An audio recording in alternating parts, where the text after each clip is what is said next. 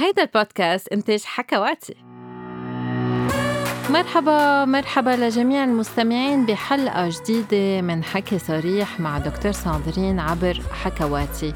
وبحب رحب بضيفي لليوم دكتور باسل بشير المتخصص بجراحة المسالك البولية.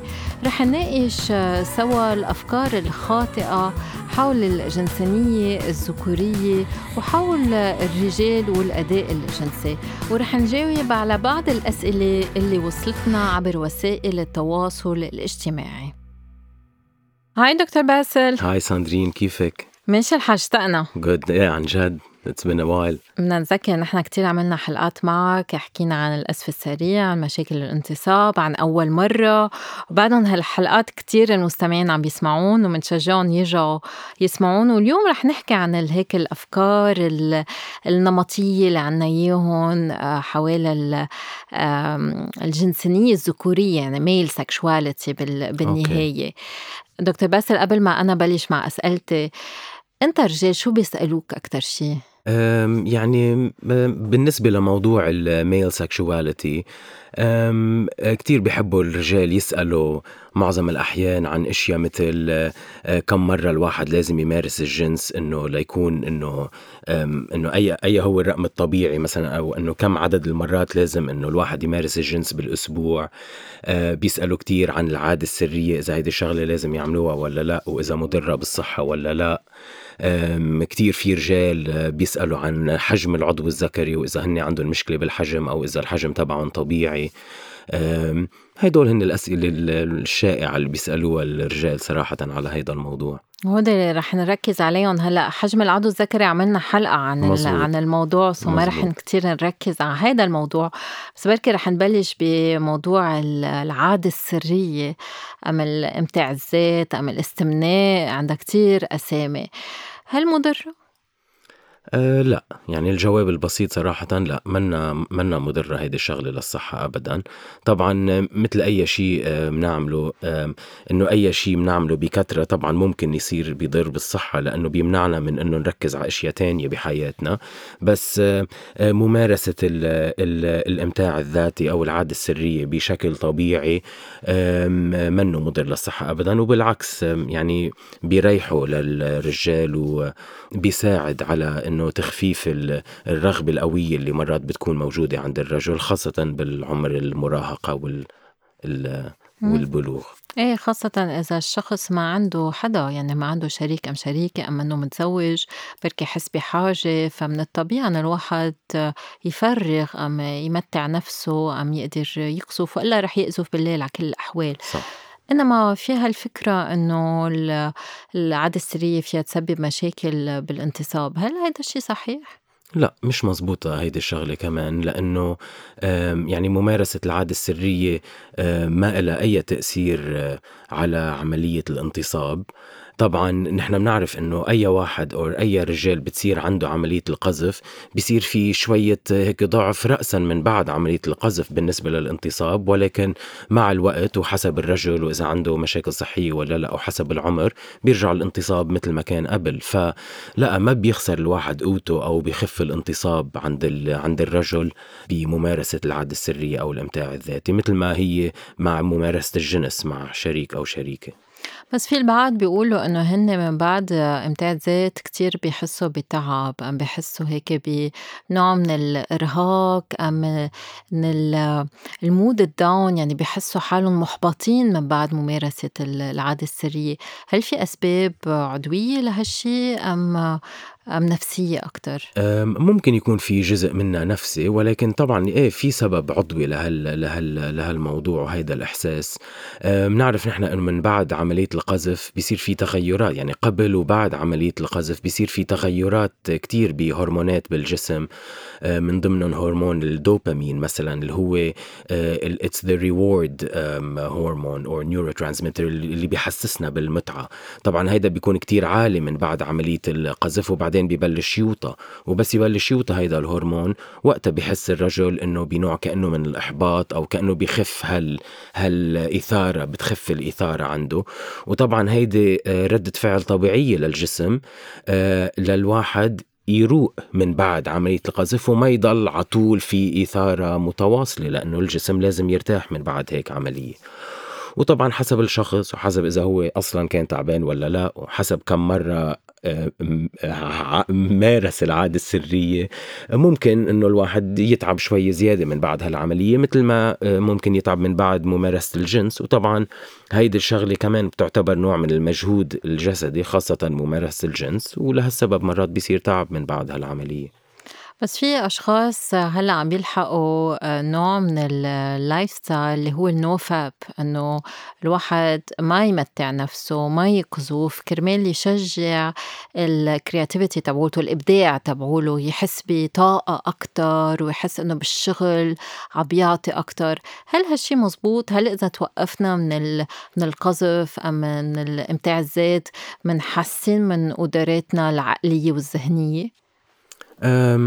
صراحة ساندرين أول مرة بسمع بهيدي آه. الحركة أو هيدي ال movement. ما ما كنت سامع فيها. ما كتير بتابع هيك قصص على على ال social media وعلى على الإنترنت. بس ممكن تكون شغلة you know في كتير أشياء بتطلع هلأ على الموضة let's وممكن تساعد شوية عالم. ما في يعني ما ما في دراسات برهنت هالشيء إنه إذا نحن بنوقف عن عن الإمتاع الذاتي إنه فجأة بتتحسن بيتحسن الإبداع عنا. ممكن في شوي رجال بيحسوا بهال بهالتحسن. إذا ما بيركزوا كتير على العادة السرية ممكن هيدي الشغلة تخليهم يركزوا أكثر على أشياء تانية. ولكن يعني ما بعرف شو بدي أقول لك صراحة. مهم انه نوضح أنه طبيا ما في شيء اسمه نوفا. صح. في دراسة وحده انعملت تبينت أنه التستوستيرون فيه على شوي على مدة أسبوعين بس بعدين بيرجع بيرجلج وبيرجع بيصير طبيعي. فولا أي دراسة ابدت أنه في مشكل بالقذف أم أنه في مشكل بالامتاع الذات. آه بس في كتير أشخاص بيفكروا كمان أنه فيها تاثر على الخصوبة وعلى السائل المنوي. آه إذا الواحد كتير مارس العادة السرية. هل هالشي بيأثر على الخصوبة؟ كمان ساندرين الجواب لهذا السؤال هو لا صراحة. آه، ما ما بت يعني آه، عملية الإمتاع الذاتي أو العادة السرية ما بتأثر directly على الخصوبة، الخصوبة خاصة ب بإفراز الحيوانات المنوية بقلب الخصيتين وقد إيه هيدا الإفراز آه، بيكون طبيعي أو أو غير طبيعي. أي شخص بيعطي عينة سائل منوي دائما عدد الحيوانات المنوية بتراوح بين رقم ورقم ورقم تاني. والخصوبة فينا نقول بتعتمد على قد إيه هيدا الرقم عالي أو واطي. so, ممارسة العادة السرية بكثره ما بتخلي هيدا الرقم يوطى أو يعلى فجأة رح يضل مستقر بين رقم ويعني بين range معين. so ما بتأثر really على الخصوبة. هلأ في حالات معينة مثلا إذا الرجال معروف أنه عنده عدد الحيوانات المنوية كتير قليل مثلا بالآلاف مش بالملايين العالية طبعا هيدا الشخص ممكن لو نطر أنه أربع خمسة أيام قبل ما يعطي عينة ممكن العدد يكون شوي أعلى من أنه إذا عطى العينة بطريقة متواصلة أو بيومين ورا بعض. ففي حالات معينة ممكن تأثر على الخصوبة بهالطريقة. بس الخصوبة اللي هي أصلا خاصة بإفراز الحيوانات المنوية الحيوية بالخصية هل هيدي الشغلة بتتأثر بعملية الاستنماء أو الإمتاع الذاتي؟ لا ما بتتأثر بهالموضوع إيه بركي مهم انه نوضح انه الحيوانات المنوية صناعتهم مثل صناعة الشعر على جسمنا، يعني كل ما منشيل شعر كل ما بيطلع، كل ما منقص ضفيرنا كل ما بيطلع، ما عنا هيك نوع من المخزون ورح نخسره، لا كل الوقت عم نصنع حيوانات مزبوط. منوية، لذلك القذف ما رح يأثر على على الخصوبة، يعني في كتير أفكار مثل كأنه الواحد عنده stock مخزون وعم بكبه وما عم يستفيد منه تيجيب أولاد. لا مش مزبوط مزبوط هيدي الشغله صح. ونحن بنعرف إنه عملية الافراز عملية الإنتاج بتكون متواصلة على طول بقلب الخصية. so لهالسبب yes ما basically ما بتأثر على الخصوبة. وبركي كمان فينا نذكر إنه على كل الأحوال هن بيموتوا بعد فترة وبيرجعوا بينكبوا الحيوانات المنوية. يعني اللي ما استعملناهم رح يروحوا على كل الأحوال رح يختروا وينكبوا يموتوا. 100% وإذا هيدي الشغلة صارت هن والحيوانات المنوية بعدهم بقلب الخصيتين مرات هيدي الشغلة بتسبب لأذى للحيوانات المنوية الجديدة اللي عم تطلع. okay. so لهالسبب كمان مفيدة عملية القذف لعطول نجدد الحيوانات المنوية اللي موجودة بقلب العضو الذكري وبقلب المجرى. الحجر الذكري لتضل على طول نوعيتها للحيوانات المنوية منيحة وما يكون في ضرر بال DNA تبعها أو بشكلها للحيوانات المنوية okay، وهل في فوائد للامتيازات أم الاستمناء؟ في في فينا نقول إنه في فوائد من ناحية إنه آه، تخفيف الإثارة عند عند الرجال خاصة مثل ما قلت قبل عند المراهقين وال وال واللي عم بيمرقوا بعملية البلوغ أو بفترة البلوغ. بنعرف نحن كمان آه، عند الأشخاص أو عند الرجال اللي ما بيمارسوا العادة السرية بشكل إنه منتظم فينا نقول. بيعانوا مرات من نوع من الأوجاع المزمنة بقلب الخصيتين أو بقلب الحوض. إلى تعبير كتير مشهور بالإنجليزي اسمه blue balls أو هي أنه الخصيتين الزرقاء. وهيدا basically نوع من الاحتقان بيصير بقلب الخصيتين. إذا إذا الواحد أو إذا الرجل على طول بتصير عنده عملية الانتصاب ولكن من بعد عملية الانتصاب ما بيفرغ الرجل. بنعرف نحن أنه الرجل مرات بيصير معه انتصاب ب ب you know أماكن بالخارج وما في إنه دائما إنه آه، يروح يمارس العادة السرية أو يمارس آه، نوع من الجنس من بعد الانتصاب. آه، ولكن إذا عملية الانتصاب صارت بكثرة وهيدا الرجل ما فضى بين حين والآخر ممكن طبعا يصير نوع من الاحتقان بالخصيتين أو بالحوض وبيصير نوع من الأوجاع المزمنة كمان. هل هالأوجاع مضرة أم خطرة؟ آه، منا مضرة أو خطرة بالصحة ولكن ممكن تكون كتير مزعجة. بس تصير عملية الانتصاب عند الرجل الجسم والحوض وال... آه، عند الرجل بيهيئوا نفسهم لعملية القذف. وبهيدي المرحلة بيصير في كتير تقلص بالعضلات تبع الحوض وعضلات المنطقة الذكرية عند الرجل. وإذا هيدا التقلص ما انتهى بعملية القذف هيدول العضلات فينا نقول بيصيروا مثل نوع مثل مشنجين أو معضلين. وبيصير ولهالسبب إذا هيدي الشغلة بتصير بطريقة متواصلة وين دايما بيصير في انتصاب وتقلص بالعضلات بس بعدين ما بتصير عملية التفضاية ممكن يصير في نوع من الوجع المزمن وتقلص وشد بعضلات الحوض. وهيدا هو اللي بيسبب الأوجاع المزمنة اللي هي ما بتضر بالصحة ولكن ممكن تكون مزعجة لدرجة وين بتأثر على نمط الحياة للرجل طبعا وهل فيها تأثر على البروستاتا؟ وممكن تأثر على منطقة البروستات طبعا لأنه عملية أو منطقة البروستات كمان بتتقلص آه والعضلات بمنطقة البروستات كمان بتبلش تهيئ نفسها لعملية التفريغ لأنه جزء من السائل المنوي بيجي من منطقة البروستات so إذا هيدي العملية كمان ما تمت بالشكل الطبيعي وما انتهت للآخر بصير في تقلص وتشنج بعضلات الحوض وعضلات البروستات وبصير في نوع من الأوجاع المزمنة بهيدي المنطقة كمان نعم صح مم. هلا هو مهم واحد يوضح المواضيع لأنه في كتير كتير مخاوف عند الشباب آه، بركي لمعتقدات آه، دينية أم اجتماعية. كتير بخوفون من ممارسة الامتاع الذاتي وفي أونلاين كتير بيلاقوا معلومات آه، خاطئة عن الموضوع. فهالسؤال دايما دايما بيتكرر. ونحن مهم إنه نقدر نخفف هالتوتر لأنه هو التوتر اللي بيسبب مشاكل. يعني الأشخاص اللي بيجوا بيقولوا لي أنا من امتاع الذاتي ما بقى عندي انتصاب ورح أتزوج بعد شهر. قد بدي وقت من دون آه، ممارسة العادة السرية تأرجع لطبيعتي هون بنرجع نذكرهم إنه بالنهاية هن هو هالذنب اللي أنت عم تشعر فيه أم هالشعور بالغلط أم كأنك أنت ضريت حالك اللي هو عم يمنع الانتصاب عندك مش عملية الاستمناء بحد ذاتها. وبنحب نذكر قد إيه العوامل النفسية بتأثر على الأداء الجنسي عند الرجل عند ال... وعلى الانتصاب. عنده ما بعرف إذا بتشوف كتير بيشنس بهيك حالات. صح 100% خاصة بالرجال اللي أصغر بالعمر هي واحد من العوامل الأساسية اللي بتسبب ضعف بالانتصاب والمشكلة إنه كتير ما بيعطوها أهمية المرضى أو ما كتير بياخدوها بعين الاعتبار و ولكن وقت نشدد على الموضوع آه، ونفرجيهم إنه قد إيه العامل النفسي عن جد بيأثر على هذا الموضوع آه، ساعتها بي بيقدروا يعالجوا حالهم ويستفيدوا من العلاجات الموجودة. ورح ننتقل على موضوع الرغبة لأنه آه، كمان الرجال عندهم هالفكرة إنه آه، في كمية رغبة الواحد لازم يشعر فيها في مثل ما قلت آه، عدد ممارسات الواحد لازم يمارسها بالأسبوع أم بالشهر هل مزبوط إنه كل الرجال مهووسين بالجنس والرغبة لازم تكون كتير عالية تيكون في رجولية؟ مش مزبوط مش مزبوط ريلي ساندرين. يعني ما بعرف ليه دائما بجاوب لأ على كل الأسئلة اللي بتساليني اياها بس لأ يعني طبعا الرغبة آه، بتفرق بين شخص والتاني. يعني بتفرق آه، عند النساء وبتفرق عند الرجال أكيد. المهم إنه الواحد ما لازم يقارن حاله بحدا. إذا واحد عنده رغبة معينة وهيدي الرغبة مناسبة له مناسبة لشريكته أو لشريكه هيدا هو هيدا هو الشيء المهم. طبعا كل الرجال اللي عم اللي عم يسمعونا هلأ عندهم رجال تانيين أصحابهم وكل هدول الرجال بيحكوا مع أصحابهم وكل واحد بيعرف إنه إنه عنده رجال بيعرفون ممكن بيمارسوا الجنس أكثر منهم هن ويمكن عندهم رجال تانيين بيمارسوا الجنس أقل.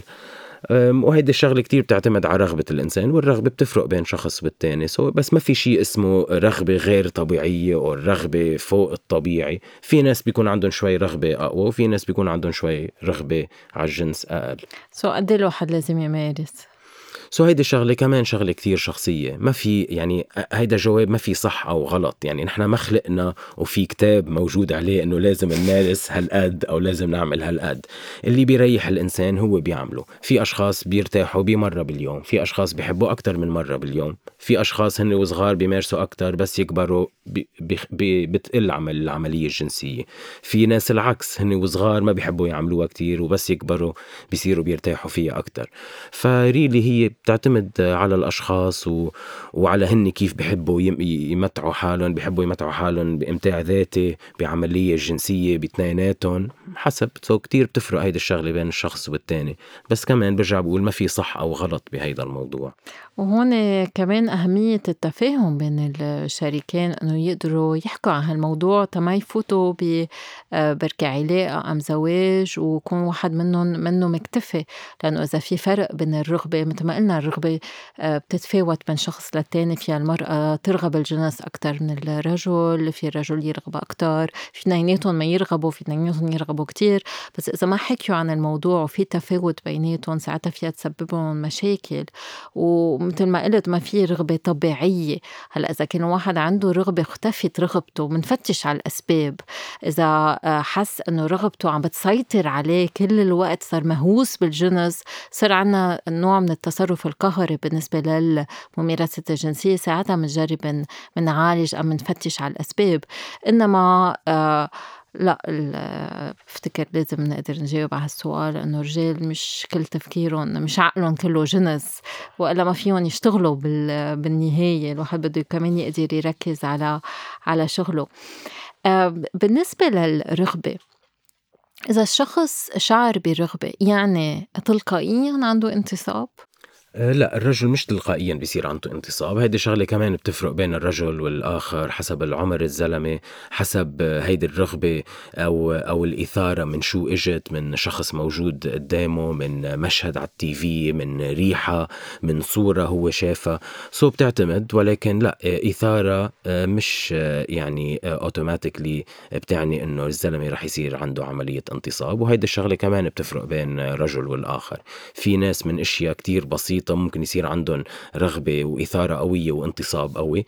في ناس بدهم كتير إثارة بكتير إشياء آه، مفترقة بين صور بين videos بين آه، إشياء تانية لا, يصير لا تصير معهم عملية الانتصاب بشكل طبيعي. so كمان هيدي الشغلة بتفرق بين شخص والآخر. أنا بيجيني كتير نساء بيجوا بيقولوا لي بس إنه أنا بيجي بشلح قدامه وما بيصير عنده انتصاب وهون بنرجع بنفسر لهم إنه مش يعني ما بيرغبك بس إنه بركي في حاجة لتحفيز مباشر على العضو الذكري وهذا شيء طبيعي. في آه، مستمعة بعتت لنا أنا آه، زوجي ما بقى عم بيمارس آه، معي الجنس هل يعني عم بيخونني كمان ما فينا نعرف يعني ما لها علاقة بركي عنده اكتئاب بركي عنده مشاكل بركي قاطع بمرحلة وين ما عنده رغبة بركي عنده تدني بهرمون التستوستيرون يعني في كتير عوامل بتأثر على على الرغبة ومثل ما قلت ما في شيء طبيعي هل في محفزات للإثارة أم للرغبة تنقول ما إنه عم نحكي عن الرغبة؟ في عدة أعشاب موجودين بالسوق وعدة supplements وكومبينيشن يعني of supplements موجودة بالسوق بتساعد مرات على الإثارة وعلى الرغبة عند الرجل. في عدد معين من هيدول ال supplements عليها يمكن هيك دراسات خفيفة. فرجت إنه ممكن تزيد شوي الرغبة عند الرجل ومعظم هيدول الأشياء مرات بيشتغلوا على تحسين الهرمون الذكري بطريقة بسيطة كمان. وفي عدة أنواع أعشاب ممكن إنه الواحد ياخدها لهيدا الموضوع. طبعا تأثيرها كتير بسيط فينا نقول وكمان بيفرق بين شخص والتاني ولكن طبعا مفعول مش مثل مفعول الأدوية التانية اللي بنستعملها للانتصاب مثلا أو للمشاكل التانية. سو لهالسبب يعني بنوصفها مرات بالحالات اللي هيك البسيطة عند الأشخاص الصغار بالعمر اللي يمكن عندهم مش مشكلة كتير قوية بالانتصاب أو بالرغبة. ممكن هدول الأدوية مرات يساعدوا بهالموضوع. بس إجمالا ما في يعني أدوية مدروسة بطريقة مزبوطة وبرهنت إنه بتساعد مثلا بالرغبة عند الرجل. صحيح على عكس إنه طالعين هلأ دوايين للمرأة لرغبة المرأة لهلأ ما عنا أدوية لرغبة الرجل. فعادة بنجرب نفتش على الأسباب. أول شي بنجرب نشخص إذا عن جد في مشكلة بالرغبة.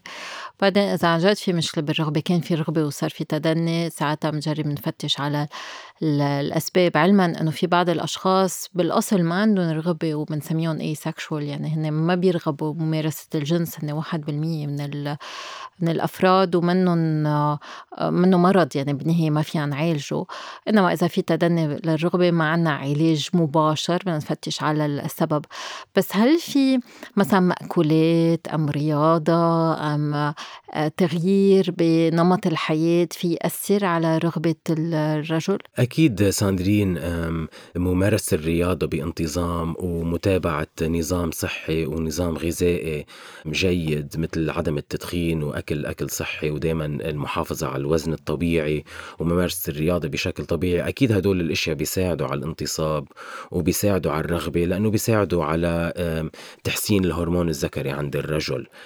فأكيد إذا الواحد بيتبع نظام غذائي صحي ونظام رياضي أكيد بيشعر نفسه إنه بيمارس أحسن وبيشعر إنه الرغبة أفضل من إنه إذا ما مارس الرياضة وكان عم نمط حياته غير صحي. بالنسبة للمأكولات طبعا كتير بنسمع خاصة بمجتمعاتنا عن مأكولات إنه ممكن تساعد بالرغبة وبتساعد على الانتصاب وبتساعد على تحسين البذرة والحيوانات المنوية. كمان فيني أقول إنه ما في ريلي أي آه، دراسات عالمية معمول معمولة على هذا الموضوع. وكمان صراحة هيدي الشغلة بتفرق بين الشخص والآخر. يعني في رجال بيجوا عندي بيقولوا لي إذا بناكل فواكه كتير أو بناكل مانجا كتير فجأة إنه بنحس حالنا إنه كتير إنه في إثارة عالية وعنا انتصاب قوي. في ناس مثلا بيقولوا إذا أكلوا البطيخ بيصير معهم هيك. في ناس على الخضرة آه، مرات بيصير معهم هيك. على الاسبارجس مثلا أو على الجرجير أو أو أو هيك أشياء. آه، في ناس بيقولوا لك إنه المأكولات البحرية بتخليهم إنه يحسوا بإثارة مثل ال shrimps أو ال lobsters. كمان برجع بقول لك يعني ما في دراسات really انعملت على هذا الموضوع وكمان هيدي الشغله بتفرق بين بين رجل ورجل آخر. ولكن إذا الزلمة بيحس إنه في مأكولات معينة ممكن آه، تحفزه أو تسبب له نوع من الإثارة 100% ياكل منها قد ما بده. طالما مش كتير غالية لأنه هلأ إذا الواحد بده يشتري شيء مثل ما عم تقول الأسبرجس أما خلص فلس صح. يعني بتروح الرغبة صح. كليا لأنه العوامل المادية بتعرف كتير بتأثر على الرغبة صح. طيب الرجل إذا حس إنه ما بقى عم يقدر يشتغل أم ما بقى عنده آه، قدرية إنه يساعد عائلته ويربي أولاده فيها تأثر على رجوليته ساعتها تأثر على رغبته طبعا. آه، بس يحس بإحباط بس يحس باكتئاب وهذا كلهم عوامل بتأثر صح. سلبيا على الرغبة. هل مزبوط؟ آه، رح تقلي لا لأنه عم تجاوبني على كل أسئلتي بس إذا الواحد كتير مارس بين العشرين وخمسة وثلاثين مثلا هل على الخمسة وثلاثين خلص فرغ كل رغبته؟ يعني بيزهق بعدين؟ أه لا ساندرين صراحة ما في هيك شيء. يعني ما, ما يعني ما ما بيخسر الزلمة طاقته إذا بدك آه، مع العمر. أه ما عنا أه إنه يعني مش بطارية وفجأة بتفضى. لا. آه، الواحد والزلمة في ضل عم بيمارس الجنس والنساء بيضلوا عم بيمارسوا الجنس مدى الحياة. ما في شيء بيمنع من هالموضوع. طبعا مع العمر بصير في الحركة يمكن تخف شوي طريقة الإثارة وطريقة الجنس يمكن تتغير ولكن آه، لا الزلمة آه، والرجل فيه ضل عم بيمارس الجنس مدى الحياة ما في مشكلة بهالموضوع أبدا. ما, ما, ما, ما بتفضى طاقته ما عنده خزان معين وبيخلص والعكس آه، الواحد بيمارس قد ما بيحس حاله مرتاح يمارس. ومش غلط إذا حس إنه انخفضت الرغبة وهو ما بقى مهتم بالموضوع يعني ولا غلط إنه آه، أيام بيقولوا هيدي هبة الخمسين أم جهلة الأربعين إنه آه، بس الواحد بيكبر بالعمر بتزيد رغبته أم بيصير يشتهي غير أشخاص.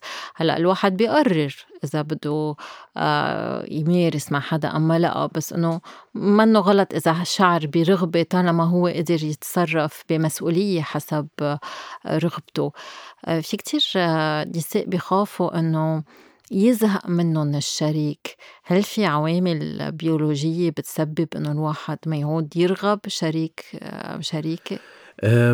ما في ريلي عوامل آه، آه، بيولوجية فينا نقول. الرجل ممكن يتعود على على شريكته مع الوقت وهيدا السبب آه، ليش مرات الرغبة بتخف. هلأ طبعا نحن بنعرف إنه في تغيرات هرمونية بتصير عند الرجل مع العمر والعامل الأساسي هو انخفاض الهرمون الذكري. ونحن بنعرف طبعا إنه الهرمون الذكري خصه بالانتصاب بس خصه كمان بالإثارة. حتى النساء إذا بياخذوا جرعة تستوستيرون بيحسوا بإثارة الإثارة أكتر. so بنعرف إنه هذا الهرمون خصه كتير بالإثارة. so ممكن يكون في عامل آه، هرموني عم بيأثر على الرغبة عند الرجل ولكن إذا هيدي الرغبة بعدها عم تتناسق مع رغبة الشريكة منه شي غلط إذا عم بيصير هالشي. وإذا الرجل والامرأة وشريكته مرتاحين بهيدا الموضوع ما في داعي نزيد الرغبة بس لأنها خفت. منزيد الرغبة إذا خفت وزعجته للرجل. إذا خفت والرجل مرتاح بالموضوع بتخف وبتعلى مرات بترجع هي لحالها وهي مش دليل رجولية بالنهاية وهذا شيء كتير مهم. ونحن بنرجع بنذكر إنه بالنهاية الرجل هو إنسان آه، فعنده مشاعر عنده عواطف. إذا صار في كتير رفض بالعلاقة إذا في سوء معاملة بالعلاقة كتير آه، تطلبات أم في نوع من الذل أم الحكي العاطل في يخسر رغبته. أنا شفت آه، رجل مش من زمان عم بيخبرني إنه زوجته كتير عانت وكان عندها سرطان الثدي وعملت كذا عملية. فما بقى طالع عبالها تمارس الجنس. فبس يقرب منها بترفضه عم بتجرب إنه بس تبسطه بطريقة ميكانيكية. فعم يخسر رغبته عم بحس حاله إنه كأنه عم بخ... عم يخسر من رجوليته. عمل فحص تستوستيرون. التستوستيرون عنده شاب كتير كتير عالي. عمره 64 سنة عنده تستوستيرون قد الشاب اللي عمره 15 سنة. so إيه. so منا level يعني منه مستوى التستوستيرون قد ما في عوامل نفسية كمان. وهون عادة بنشتغل نحن مع الأزواج إنه يشتغلوا على تخيلاتهم على تكسير الروتين على بركي تغيير بالوضعيات بالممارسات يهيئوا شوي يعطوا شوية وقت يناموا أكتر يحطوا الأولاد عند عند الأهل. يعني بالرغب الرغبة بدها كمان كونتكست يعني الواحد بده يكون مرتاح. صح. وخاصة هلأ مع الكوفيد عم يلاحظوا إنه الأشخاص ما عندهم رضا جنسي بقى عم يخسروا الرضا الجنسي لأنه في هالتوتر الدائم. في بعض الأشخاص عم تزيد الرغبة عندهم من وراء هالتوتر.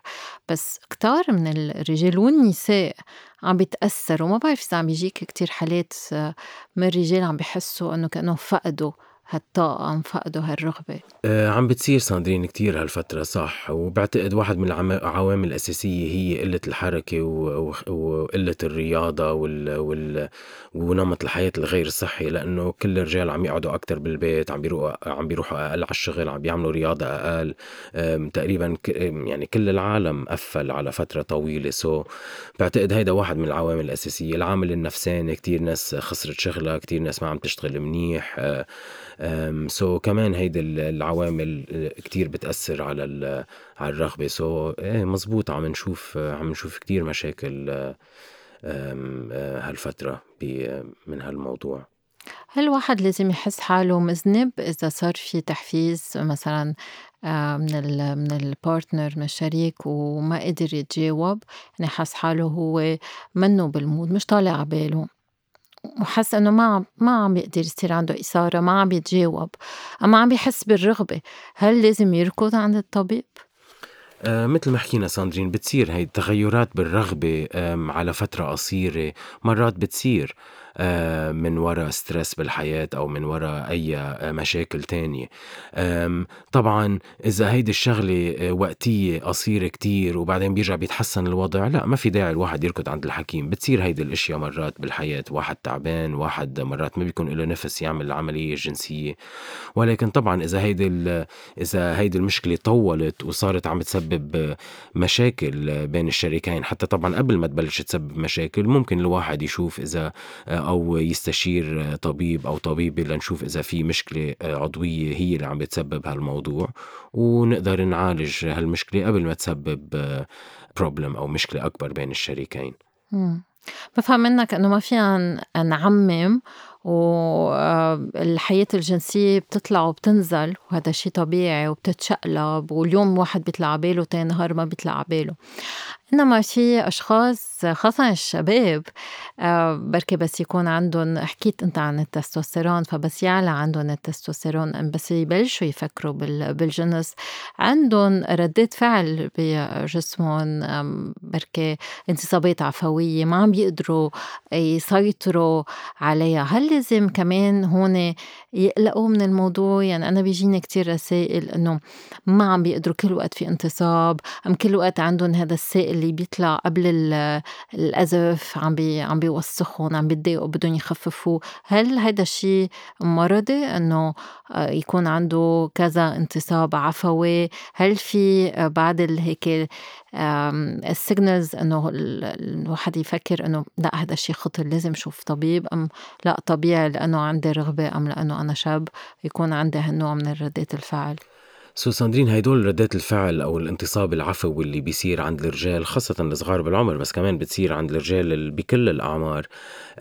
هو ردة فعل طبيعية عند الإنسان. طبعا ممكن تصير أكثر بالأعمار اللي أصغر أو بسنين المراهقة والبلوغ. وهيدي وهيدا الانتصاب يعني آه، عفوي وردة فعل طبيعية للجسم. طبعا طبيا أي انتصاب بضاين أكثر من أربع أو ست ساعات متواصلة. انتصاب متواصل لأربع أو ست ساعات. طبعا هيدي الشغلة حالة طار أو لازم الشخص يروح على الطوارئ.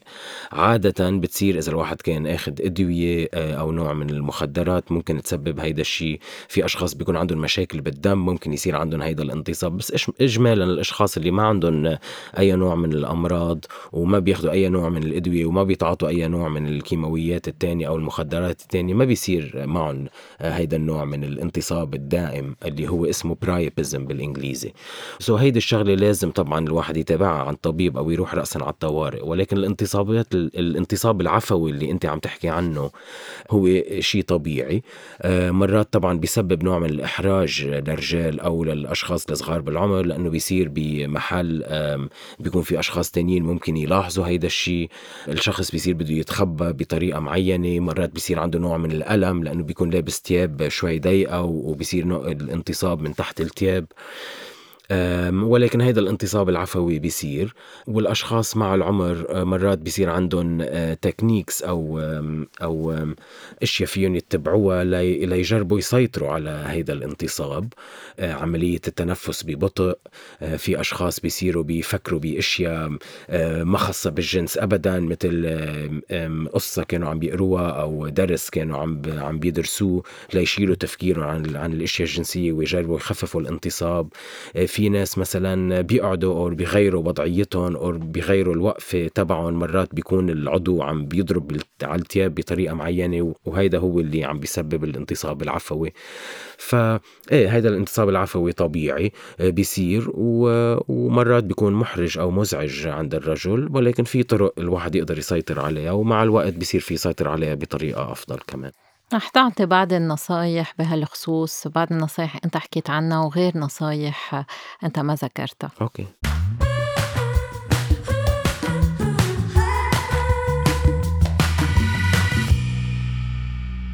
في كتار بيشتكوا من انتصاب عفوي تلقائي غير مرغوب به وبيحاولوا إنه يمنعوا هالانتصابات. فاليوم رح نعطي بعض النصايح عن هالموضوع. عادة إذا في انتصاب أسهل وسيلة الواحد يتخلص من الانتصاب هو أنه يقصف إنما بعض الأوقات ما فيكن توصلوا للأزف لأنه ما فيكن تمارسوا الاستمناء. أم ما بدكن تمارسوا الاستمناء؟ أم لأنه ما فيكن تمارسوا الجنس بهاللحظة مع الشريك. فرح نعطي بعض النصايح. أول نصيحة هي بركي تفقسكن شوي بس إنه بدكم بس تنطروا تنطروا شوي تنطروا على رواق تقعدوا تتنفسوا برواق وتجربوا تضلكن مسترخيين. هلأ إذا إنتو بحالة انحراج جربوا بركي غطوا الانتصاب تبعولكم آه، باللابتوب أم بإيديكم أم بالجاكيت بس عادة اللي حواليكم ما رح يكونوا منتبهين إنه عندكم انتصاب فمش ضروري تكونوا متوترين من الموضوع. تاني طريقة كرمال الواحد يخفف هيدا الانتصاب العفوي أم تلقائي هو التأمل. فالواحد بده يقدر يركز على نفسه يركز على صوت نفسه ويركز على صورة أم على فكرة منا مثيرة ويسمح للأفكار الجنسية أنها تقطع وشوي شوي يحس بجسمه عم بيسترخي وبهالطريقة الانتصاب رح يخف تدريجياً. ثالث طريقة هو إنه الواحد يلهي حاله. ففيكن تلهوا حالكم بقراءة شعر أم حزورة أم بركي تعملوا حسابات آه، ماتيماتيكية صعبة أم فكروا شوي بفواتير الكهرباء والتليفون أم غير أنواع من الفواتير أم بركي بآخر آه، نزاع أم آه، بركي خناقة صارت مع حدا عزيز لقلبكن أم بركي مشكل عندكن هلا ما بدي دبرسكن بس هيدي طريقة فيها تخفف الانتصاب رابع طريقة هو إنه الواحد يجرب يغير شوي وضعيته. بعض الأوقات الاحتكاك بالملابس الداخلية أم بالتياب فيها تعمل شوية هيك ضغط على العضو الذكري وتزيد الانتصاب فإذا بتغيروا شوي وضعيتكم بتوقفوا بترجعوا بتقعدوا أم بتزبطوا شوي تيابكم بهالطريقة فيكم تخففوا الانتصاب أم شوي بت بتوسعوا تيابكم عن عن وطئتهم على العضو الذكري بهالطريقة كمان فيكم تخففوا الانتصاب. طريقة خامسة بس مش دايما براكتيكال فيكم تعملوها هو إنه تاخدوا حمام مي مسقعة المي مسقعة لوحدها رح تشيل الانتصاب أم حتى تاخدوا حمام مي سخن. الطريقتين فيهم يسمحوا لكم إنه تخسروا الانتصاب بس الحمام المي السخن كمان بيساعدكم إنه تبولوا إذا كان مجمع البول وما عم تقدروا تطلعوا. لأنه سابع طريقة الواحد يخسر الانتصاب هو إنه يبول بس تبلشوا بالتبويل رح تخسروا الانتصاب تلقائيا. لأنه ما فيهم يمشوا سوا. تامن طريقة هي الرياضة. إذا حركتوا شوي جسمكم مش ضروري تعملوا آه، ركض سريع. فيكم بس تمشوا شوي آه، تعملوا شوية آه، دراجة هوائية تمارسوا بعض البيلاتس أم بعض البوش أبس مثلا. بهالطريقة فيكم كمان تخففوا الانتصاب. وأخيرا آه، تذكروا تكونوا حاضرين لمرت الجاي. فما تنسوا إذا أنتوا آه، عندكم إثارة قوية وبعض الأوقات رح يكونوا عندكم آه، انتصاب غير مرغوب فيه نقوا ملابسكم الداخلية بطريقة أنه هول الملابس الداخلية ما تشد على العضو الذكري وكمان البسوا بناطلين ما بتشد عليكم فما بتاخد شكل الانتصاب إذا صار في انتصاب. بس برجع بذكركم إنه اكثريه الأشخاص اللي حواليكم مش مركزين على الحوض عندكم فما رح يلاحظوا حتى إنه صار عندكم انتصاب تلقائي.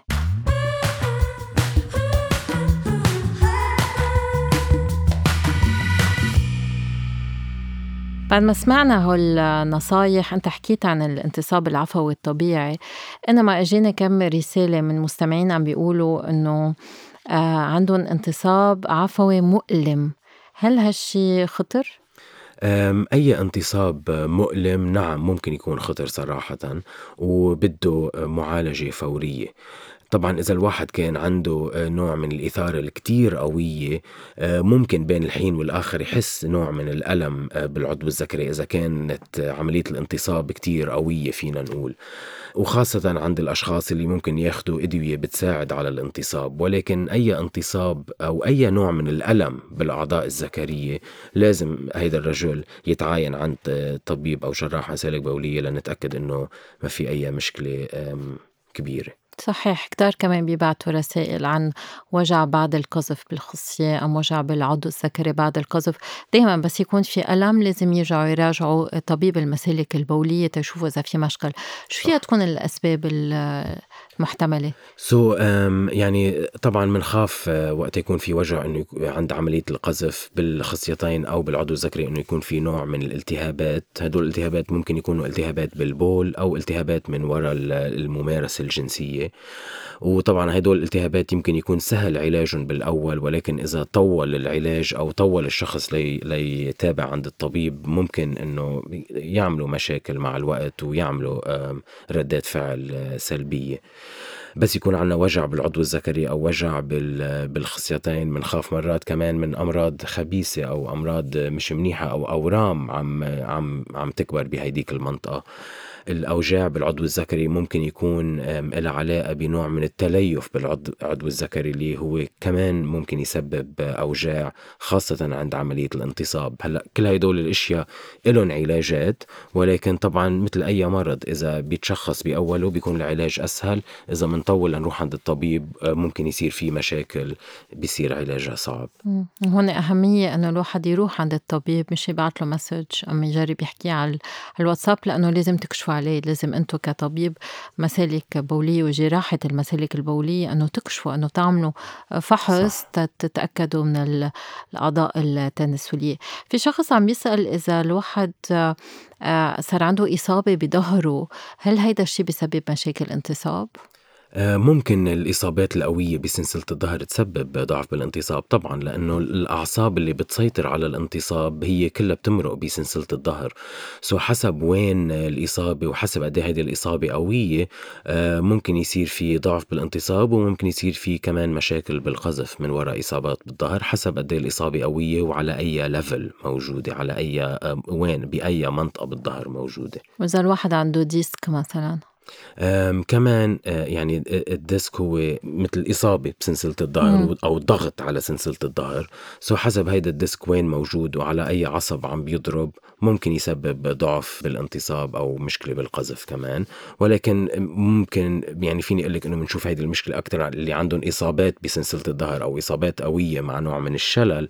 بنشوف أكثر الإصابات عند هدول الأشخاص.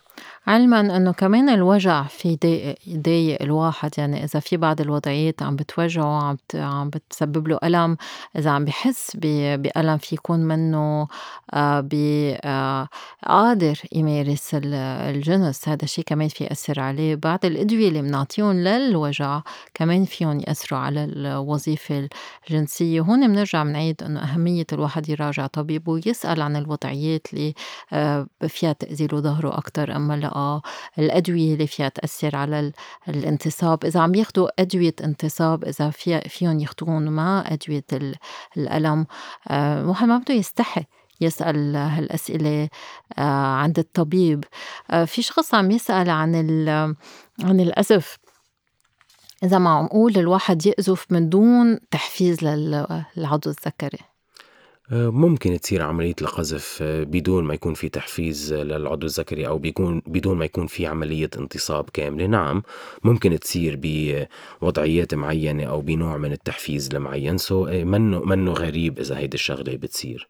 في أشخاص بدهم يمنعوا هالظواهر. يعني عندي كذا شخص بيقول لي كيف فيني أمنع القصف الليلي وكيف فيني أمنع السوائل اللي بتطلع قبل القذف؟ هل في طريقة تنمنع هالسوائل؟ هلا إذا الواحد بتصير إذا الرجل بتصير عنده عملية الاستنماء كتير وكتير بيصير عنده قذف ليلي معظم الأحيان لو هيدا الرجل بيمارس الإمتاع الذاتي أو العادة السرية بطريقة شوي منتظمة أه، بيتجنب إنه هيدي الشغلة تصير بالليل. وطبعا هيدي الشغلة ممكن تسبب نوع من الأحراج خاصة إذا هيدا الش... إنه الرجل أو إنه الشاب صغير بالعمر كان نايم عند أصدقائه أو كان نايم عند قرايبينه بتصير هيدي الشغلة ممكن تسبب نوع من ال... من الإزعاج. فطبعا ممارسة العادة السرية بشكل شوي منتظم ممكن تخفف من من هيدي من هيدي الحادثة. بالنسبة للسوائل اللي ممكن تطلع عند الرجل من من قبل العملية الجنسية ما في طريقة كتير نخففها. هيدي الشغلة كمان بتفرق بين الرجل والآخر. في رجال ما بيطلعوا أي نوع من السوائل إلا عند عملية القذف. في رجال بدهم كتير تحفيز تحفيز للعضو الذكري قبل ما يبلش يطلع نوع هيدول السوائل. وفي رجال من أي حيلا نوع من التحفيز الخفيف حتى قبل ما تصير عندهم عملية انتصاب كاملة بيبلشوا يفرزوا هيدول السوائل. هيدول هن السوائل اللي هن بيجوا من منطقة البروستات ومن الغدد اللي حوالي منطقة البروستات اللي بتغذي السائل المنوي اللي بيطلع من الخصيتين. في رجال بيصير بيصير عندهم تقلصات قوية بالعضلات بهيدي المنطقة أكثر من رجال تانيين وفي رجال عندهم إفراز لهدول السوائل بهيدول الغدد أكثر من رجال تانيين ولهالسبب ممكن يطلعوا هيدول السوائل آه، أبكر. عند الرجال اللي كتير بينزعجوا من هالموضوع خاصة هن مش مثلا بعملية الإمتاع الذاتي إذا هن مع مع شريكة ممكن يمارسوا العادة السرية قبل ما يمارسوا الجنس مع الشريكة. وهيدي الشغلة مرات بتخفف من كمية السوائل اللي موجودة بالمنطقة وبالغدد وبالتالي ممكن تخفف من السوائل اللي ممكن يطلعوا عند عملية التحفيز. وجينا كذا سؤال من نساء عم يسألوا إنه هن شو ما عملوا كيف ما لبسوا شو ما طلبوا؟ بحسوا إنه ما في رغبة عند ال... عند الشريك. هون بدنا نقول لهم إنه يحكوا مع شريكهم. يعني نحن ما بنعرف شو تفضيلاته الجنسية أم شو اللي هو بيطلبوا آه، بالجنس. وبنحب نذكر إنه بدل ما نركز هالقد على العضو الذكري بركي لازم نركز أكتر على الحوار. الحوار مع الطبيب الحوار مع الشريك الشريكة. كرمال الواحد يوضح شوي شو بفضل شو ما بفضل إذا عنده رغبة إذا ما عنده رغبة. علما إنه نحن بنتقبل كل ال diversity إنه في كتير فروقات بين شخص والتاني وهذا بنعتبره آه شيء طبيعي بالنهاية منه غير طبيعي حتى إذا منه الأكتر شيء شائع. يعني عنا هالأفكار إنه نحن بنحب نكون مثل غيرنا. مش مضطرين نكون مثل غيرنا فينا نكون original يعني فينا نكون كل واحد يعني كل واحد صراحة ساندرين يعني الرجال والنساء ما لازم يقارنوا حالهم ببعض. الرجال والنساء لازم يكونوا مكتفين بحالهم أو بشريكتهم. هيدا هو المهم صراحة. وبرجع بقول ما في صح أو غلط بهيدي الشغلة. هلا بالنسبة لل يعني انت كنت كمان عم تقولي شيء كتير مهم انه في كتير نساء آه، بيشكوا لك هالايام انه لو شو ما عملوا قدام زواجهم ما بيحسوا انه زواجهم آه، منهم مهتمين فيهم كتير. وهيدي الشغلة أنا كمان عم واجهها كتير بالعيادة كتير رجال بيشكوا من هالموضوع انه لو شو ما عملت المرأة قدامهم ما بيحسوا بأي نوع من الإثارة. ومعظم الأحيان صراحة وقتها وقتها نفوت أكثر بالتفاصيل. بيطلعوا إنه هدول الرجال كتير كانوا يمارسوا يمارسوا أو كتير كانوا آه، آه، يتفرجوا على أفلام إباحية هن وأصغر بالعمر وكتير يشوفوا صور آه، بطريقة متواصلة وبطريقة كتير مرضية فينا نقول. وهيدي الشغلة صراحة ما كانت موجودة من قبل يعني من 30 أو 40 سنة ما كان الرجل بيقدر إنه بكبسة زر يقدر يشوف شو ما بده أي نوع صور أو أي نوع أفلام. هيدي الشغلة بس عم صارت معنا بعصر الإنترنت بآخر 20 أو 30 سنة. فصرنا عم نشوف كتير مشاكل بالعيادة وين الرجال بدهم أشياء كتير غريبة أو أشياء كتير أفلام كتير you know غريبة أو طويلة ليقدروا إنه يصير عندهم إثارة طبيعية فينا نقول. هون بنحب نقول لهم إنه الدماغ بالنهاية عنده plasticity يعني إذا الواحد تعود لهالصور وهالافلام وكان تصرفاته مثل ما عم بتقول آه، قهرية يعني كأنه نوع من الإدمان. إذا هن وقفوا أم خففوا تدريجيا من هالافلام ورجعوا ركزوا على أحاسيسهم رجعوا ركزوا على اللي فيه يصيروا مع الشريك آه، والشريكة يرجعوا يركزوا على الإحساس اللذة على جسمهم يرجعوا يركزوا على نفسهم مش على هالكمية الصور اللي بيكونوا كتير آه، قوية بالمحتوى. شوي شوي بيرجع الدماغ بيرجع بيرجع للبداية. مثل ما الدماغ بيكون معود على السيجارة مثل ما بيكون معود ما بعرف على آه، نوع من التصرفات. واحد كتير معود يروح يكسر أم كتير معود آه، يشتري. مثلا تنعطي مثلا على بعض المواد شي يرجع يتعود على شي جديد. بركي معود يفيق بكير بركي معود ينام كتير مأخر أم ينام قليل أم كتير. فالواحد في يرجع يغير عاداته. يعني ما كيف بدي أقول مش ميؤوس من أمرهم. صح فينا صح. نشتغل معهم ونحسن لهم ردة فعلهم. إذا بالأساس كانوا مهتمين بهل من من الممارسات اللي بنسميهم الفانيلا أكثر يعني بممارسات عادية بين بين شخصين. صح.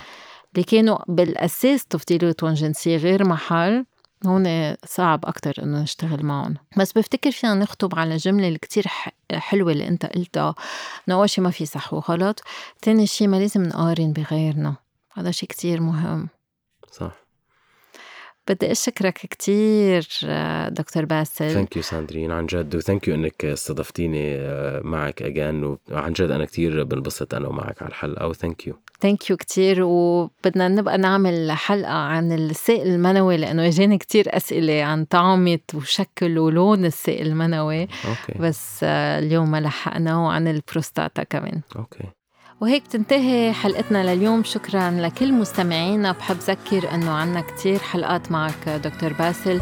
فما تنسوا تشتركوا بالبودكاست تعملوا لنا like وتبعتوا لنا أسئلتكم بخانة التعليقات أم على ال social media. يلا bye bye.